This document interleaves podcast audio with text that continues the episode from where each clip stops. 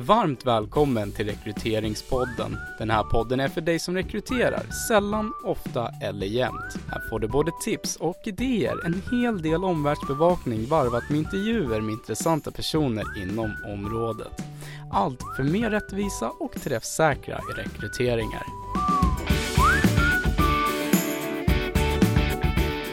Hej och välkommen till Rekryteringspodden. Det här är Anki Staverfelt. Och jag heter Josefin Malmer. Ja, och vi båda jobbar på Home of Recruitment. Och det här är våran podd som handlar om vårt favoritämne rekrytering. Mm. Mm. Och idag så ska vi prata om ett ämne inom det här området som vi tycker är särskilt spännande. Eller det är väl allt egentligen men Jag vet inte hur många gånger vi har inlett med att säga det här är ett speciellt spännande område. allt är ju spännande. Ja. Men det här handlar om rekryteringsfällor.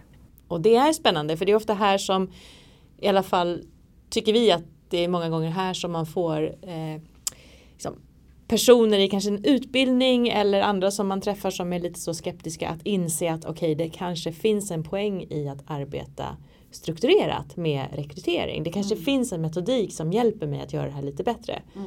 För rekryteringsfällor när man pratar om dem eh, får de som hör det här kanske lite grann att inse sin egen inkompetens kring rekryteringsområdet. Tyvärr så stöter vi allt för ofta på, och det är ju inget konstigt med det, att eh, man tänker att rekrytera kan man göra om man har god människokännedom och om man har en viss fingertoppskänsla och så vidare.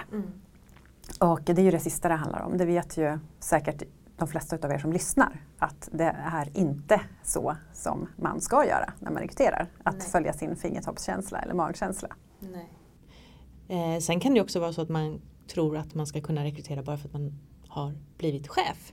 Eller att man har en chefsposition. Det är oftast en arbetsuppgift som ingår när man har eh, personalansvar. Att man också har rekryteringsansvar. Och, och tyvärr, även om det kanske håller på att ändra sig nu så är det ju ändå ganska få chefer som har fått en grundläggande utbildning i rekryteringshantverket. Ja, och det är ju synd. Eh, Det är ju fortfarande ett lite styrmoderligt behandlat ämne på så sätt eftersom att arbetsrätt och arbetsmiljö och coaching och ledarskap etc. utbildas man i, men ofta inte rekrytering. Någonstans, någonstans en föreställning om att det är kanske, det finns ingen metod eller det här kan man plötsligt Mm. som sagt. Och jag var faktiskt på en utbildning häromdagen där en person i rummet sa att eh, oj, men det finns alltså en metod som man kan lära sig för rekrytering. Men vad, vad, vad bra! Så. Och det var ju en total nyhet Mm. och en överraskning. Mm. Och då är det ju såklart fantastiskt att den här personen eh, har med sig den metoden sen eh, och inte behöver lita till sin magkänsla som han i det här fallet också uttryckte kändes ju lite vansklig. Ja, nej men det är ju eh, med stor osäkerhet som många går in i exempelvis intervjurummet. Man vet inte hur riktigt man ska hantera den situationen och då, eh, ja, men då blir det liksom många saker som gör att man fastnar i rekryteringsfällor som ju är det vi ska prata om. Exempelvis den här klassiska inledande frågan som nästan alla eh, börjar själva intervjun med. Vilken är det?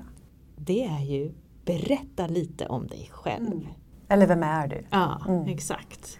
Och då hamnar man ju ofta i varje fall direkt i en av de här rekryteringsfällorna. Och det är ju den här eh, egentligen likhetseffekten, att Mm. lika gillar lika. Man eh, gillar det som är eh, bekant, det som är likt mig själv, det som är tryggt. Det blir attraktivt. Och den här frågan då, varför är den då kanske inte så bra? Ja, Nej men dels är det ju ganska utmanande för kandidaten att veta så här, ja, men vad är personen egentligen ute efter? Ska jag börja någonstans med så här, ja men jo Josefin heter jag, jag bor i, i Nacka, gift, två barn. ah, bor du också i Nacka? Ja. Nej, men vi har kanske barn i samma förskola. Ja, just det, vad kul. Ja. Och då har vi fastnat där. Men det kan ju också vara så att eh, kandidaten börjar med att jo men i dagsläget så jobbar jag som konsult här och här och det här är mina arbetsuppgifter. Eh, och då blir det en helt annan typ av inledning på intervjun. Så att det blir också en ganska stor orättvisa i bedömningarna när man ställer den öppna breda frågan inledningsvis. Och det är en ganska dålig kandidatupplevelse också. Om man Ja, och den här. Precis, och den här likhetseffekten den kan ju visa sig på många sätt. Det kan ju också handla om till exempel att när vi tittar på en LinkedIn-profil att vi eh, tycker att åh, har den också jobbat på det stället? Eller den har gått på samma universitet som mig ungefär samtidigt. Ja, vi har ju samma bekanta eller vad det nu kan vara. Men att det tycker vi då är plötsligt en mer intressant kandidat. Mm. Och det finns ju också andra saker som händer här. Det finns lite olika namn på de här fällorna men en sådan vanligt eh, förekommande fälla är halo-effekten. Och, och, det hänger ihop med det här liksom, att man tänker att ja, men bara för att den här kvinnan också har sina barn på, på Kristallen i, i Nacka så är hon antagligen en trevlig prick. Liksom. Man sätter lika med tecken mellan saker och ting som inte alls hör ihop. Mm. Eh, kanske lite dåligt exempel men snarare så att man tänker att en person som är verbal, karismatisk, vältalig också antagligen tänker man sig är bra på att samarbeta, lättsam, kompetent kanske, intelligent kanske rent av. Mm. Eh, men det finns liksom inte den direkta kopplingen givetvis utan det behöver vi undersöka för att veta. Det här, här fastnar vi ju i att vi tolkar väldigt mycket. Mm. Och det är ju någonting som vi för övrigt gör väldigt mycket i hela rekryteringsprocessen. Mm. Att vi tolkar en CV som har luckor eller som har stavfel. Mm. Personen är på ett eller annat sätt. Mm. Så. Eller en hoppjerka, ja. eller en slarver. Eller har suttit inne har jag till och med hört. Ja precis, det tänker man ju spontant om någon har en lucka där eller på några år. Nej men skämt åsido, men det är ju faktiskt motsatsen till, till halo-effekten och det kallas för Horns effekt mm. när man drar slutsatser som är då eh, ja, ligger kandidaten i fat, alltså negativa saker. Någon som har som jag personligen stör mig ganska mycket på som jag får kämpa med. Eh, mycket särskrivningar till exempel i sina personliga brev. Eh, men det, det tycker jag signalerar någonting. Som, alltså det får jag kämpa med. Liksom. Eh, men det kan också vara stavfel eller det kan vara att man eh, har en bild. Eller, alltså det är många sådana här saker som gör att man kanske sätter lika med tecken. Mm. För att inte tala om intervjun då om det kommer in en person med en svettig hand och, och lite darrig på rösten. Och... En dialekt man inte gillar eller vad Nej, det men kan vara. Precis, mm. precis. Så att, eh, och jag tänker också att rent generellt, nu har vi pratat om halo-effekten lite kort, om Horns effekt, likhetseffekten. Mm.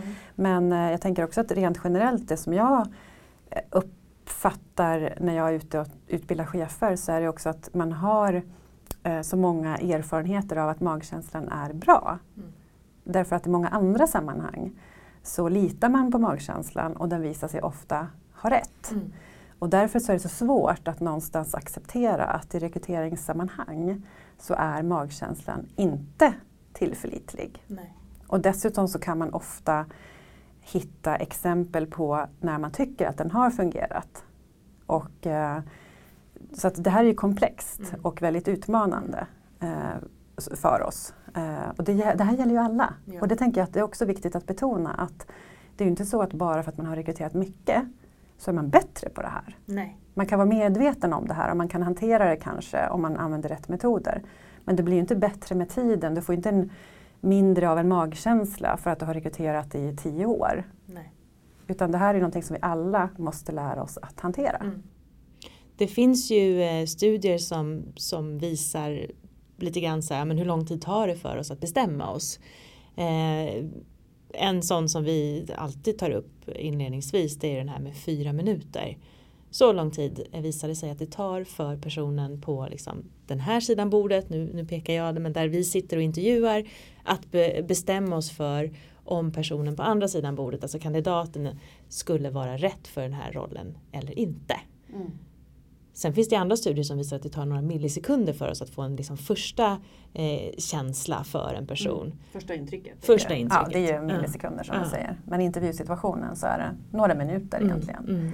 Och då kan man ju undra, vad gör man då i 56 minuter som man kanske har kvar av intervjun?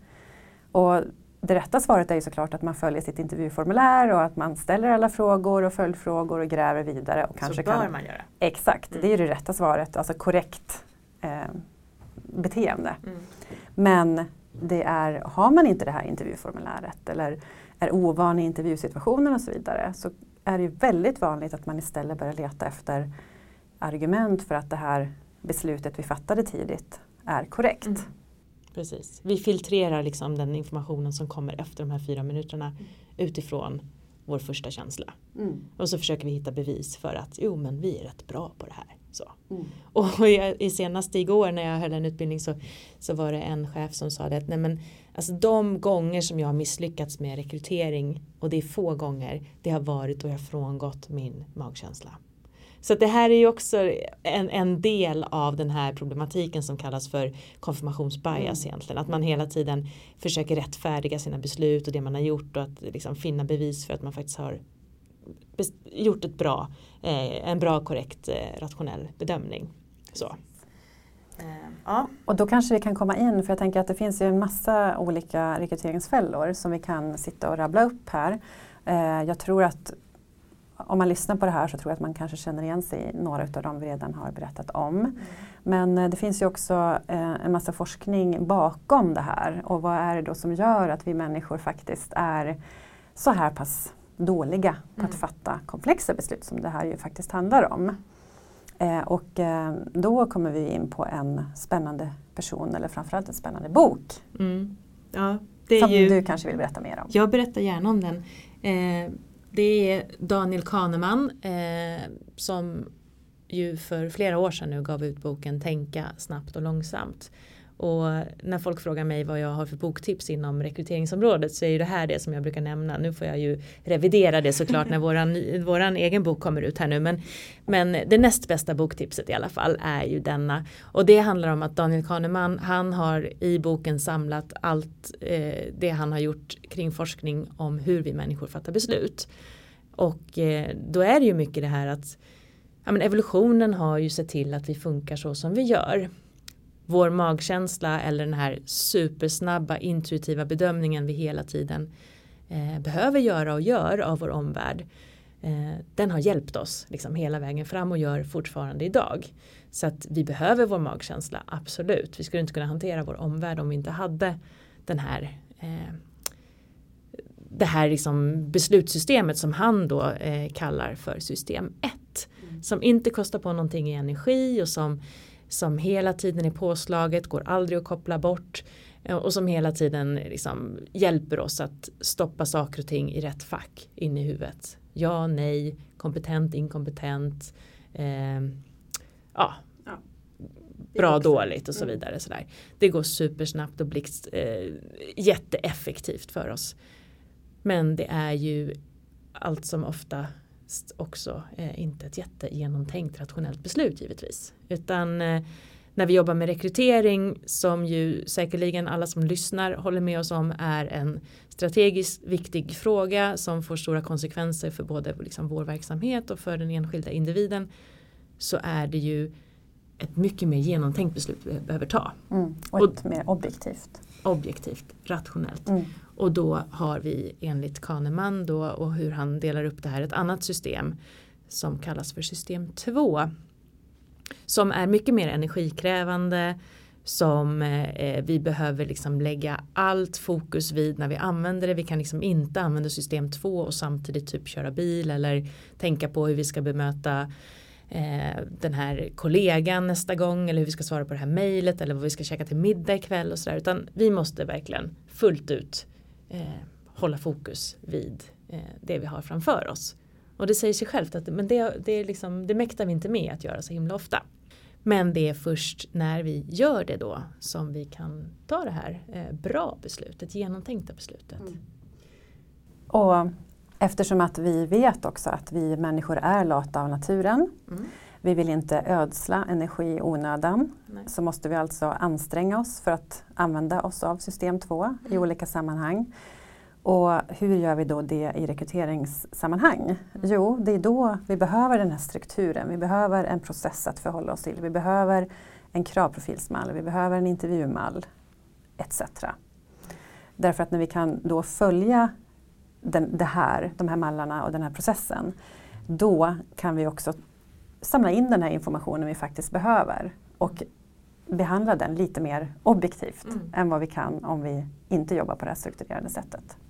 Och liksom, det har ni redan hört oss säga flera gånger men försöka lägga de här subjektiva delarna som ju alltid, det går liksom inte att skapa en fördomsfri rekryteringsprocess utifrån att människorna kommer alltid finnas med och fatta beslut och vi är fördomsfulla liksom.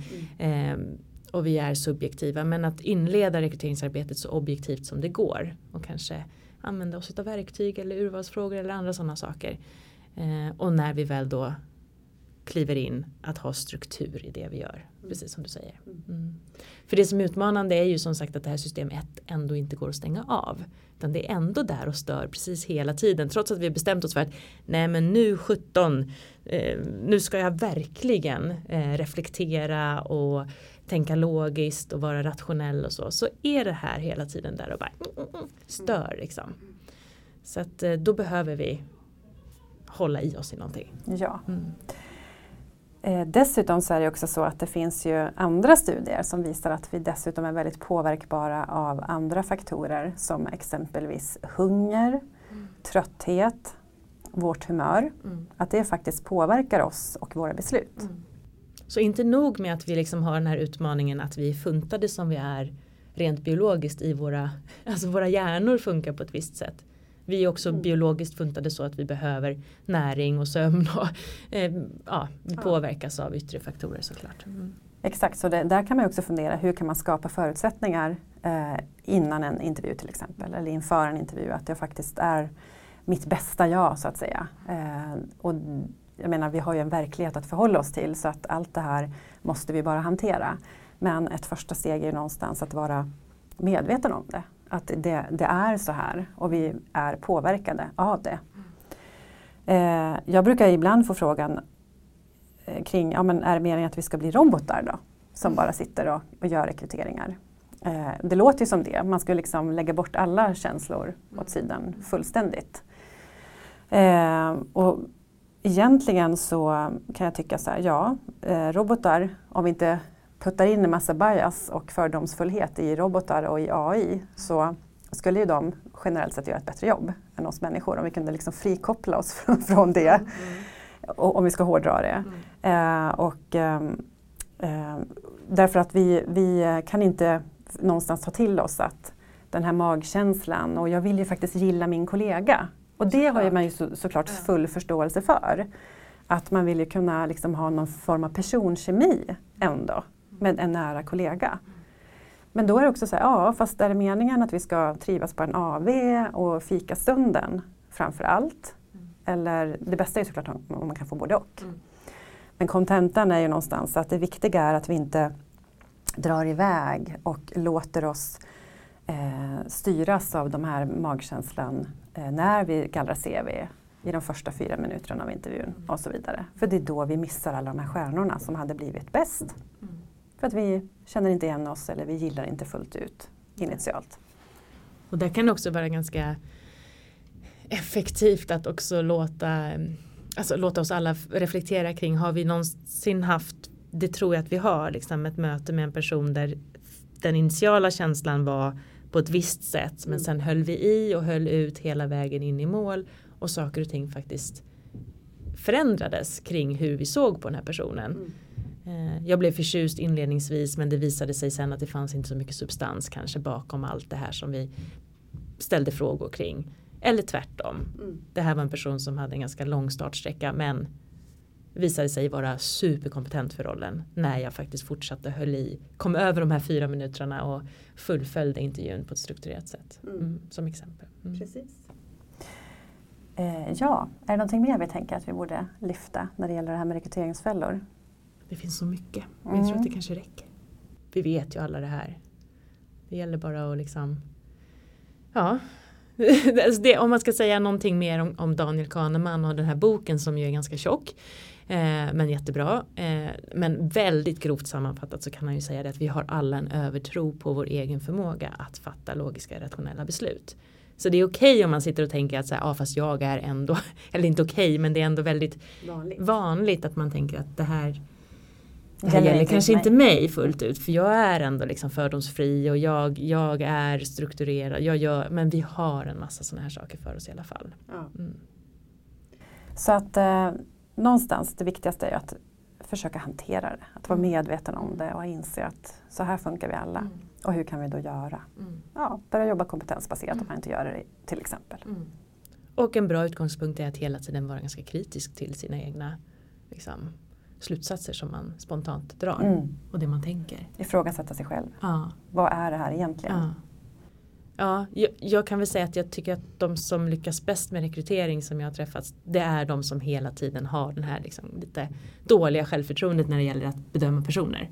Ja, det är liksom en bra, bra. grund för Mm. att kunna lyckas med rekrytering. Att vara kritisk till sin egen förmåga att, att vara bra på det. Sen har vi de här som bara tycker att jag har jobbat med rekrytering i 20 år och jag har liksom en, en grym människokännedom och jag kan ganska snabbt avgöra om det här är rätt person. Och så där. Det räcker då, om personen kommer in i rummet och vi tar i hand Ja. så vet jag. då kan man, Då kan man bli skeptisk. ja Mm. precis. Då så, då får vi tacka för oss för den här gången. Det gör vi. Bra, tack för att du lyssnade. Tack, Hej då.